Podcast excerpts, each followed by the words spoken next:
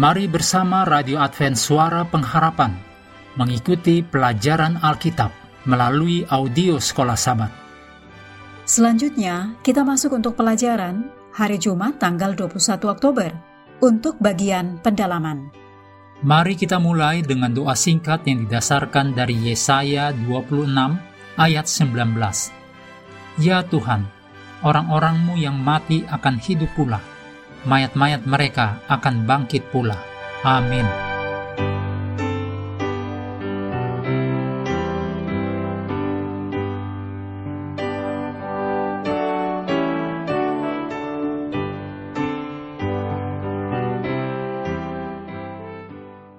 Anda perlu membaca Ellen G. White, judulnya Kayal-Kayal tentang Kemuliaan yang akan datang, dalam Alfa dan Omega jilid 4, halaman 306 sampai 317.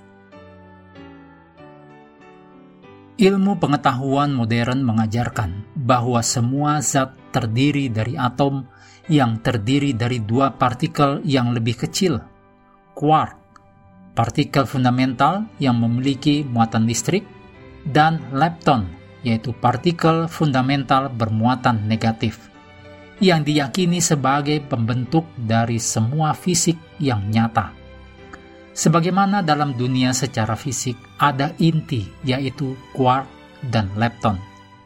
Jika ketika saatnya tiba nanti, Tuhan yang menciptakan dan memelihara dunia ini hanya dengan mengatur ulang quark dan lepton dapat membangkitkan kita manusia. Mengejek kebangkitan, ateis Bertrand Russell bertanya apa yang terjadi pada orang-orang yang dimakan kanibal, karena tubuh mereka yang dimakan menjadi bagian dari si kanibal. Jadi, dalam kebangkitan, siapa yang mendapat tubuh apa? Katakan, Tuhan bisa saja mengambil quark dan lepton sebagai pembentuk utama kehidupan. Dari mana saja? Dan berdasarkan informasi yang Tuhan miliki tentang kita masing-masing. Kemudian merekonstruksi kita dari quark dan lepton itu. Tuhan tidak harus menggunakan kita yang asli. Apa pun bisa digunakan. Atau memang seperti kenyataannya. Tuhan bisa hanya berfirman, maka quark dan lepton yang baru menjadi ada bagaimanapun Tuhan melakukannya, Tuhan yang menciptakan alam semesta dapat menciptakan kita kembali pada kebangkitan orang mati, seperti janjinya. Berikut ini kutipan dari DSTA Bible Commentary Jilid 4, halaman 1143.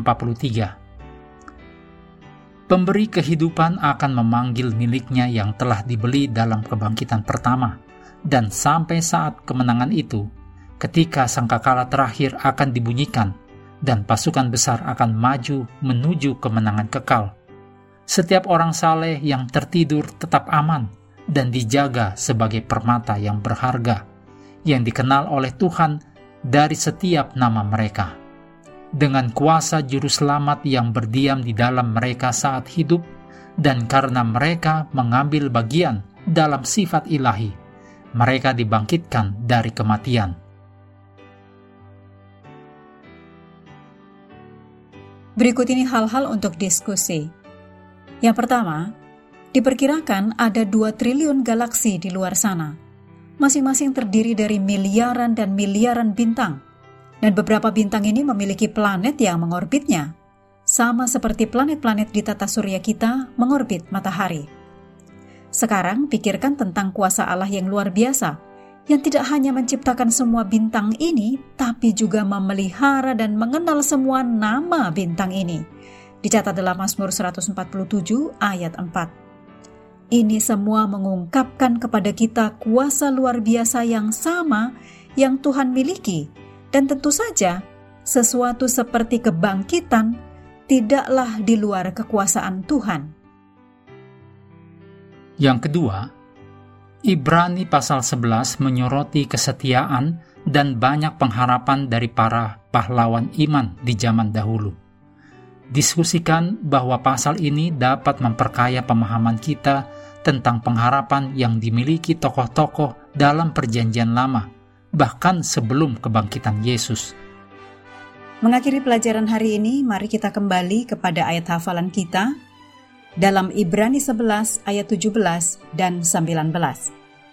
Karena iman, maka Abraham tak kala ia dicobai, mempersembahkan Ishak. Ia yang telah menerima janji itu, rela mempersembahkan anaknya yang tunggal, karena ia berpikir bahwa Allah berkuasa membangkitkan orang-orang sekalipun dari antara orang mati, dan dari sana ia seakan-akan telah menerimanya kembali.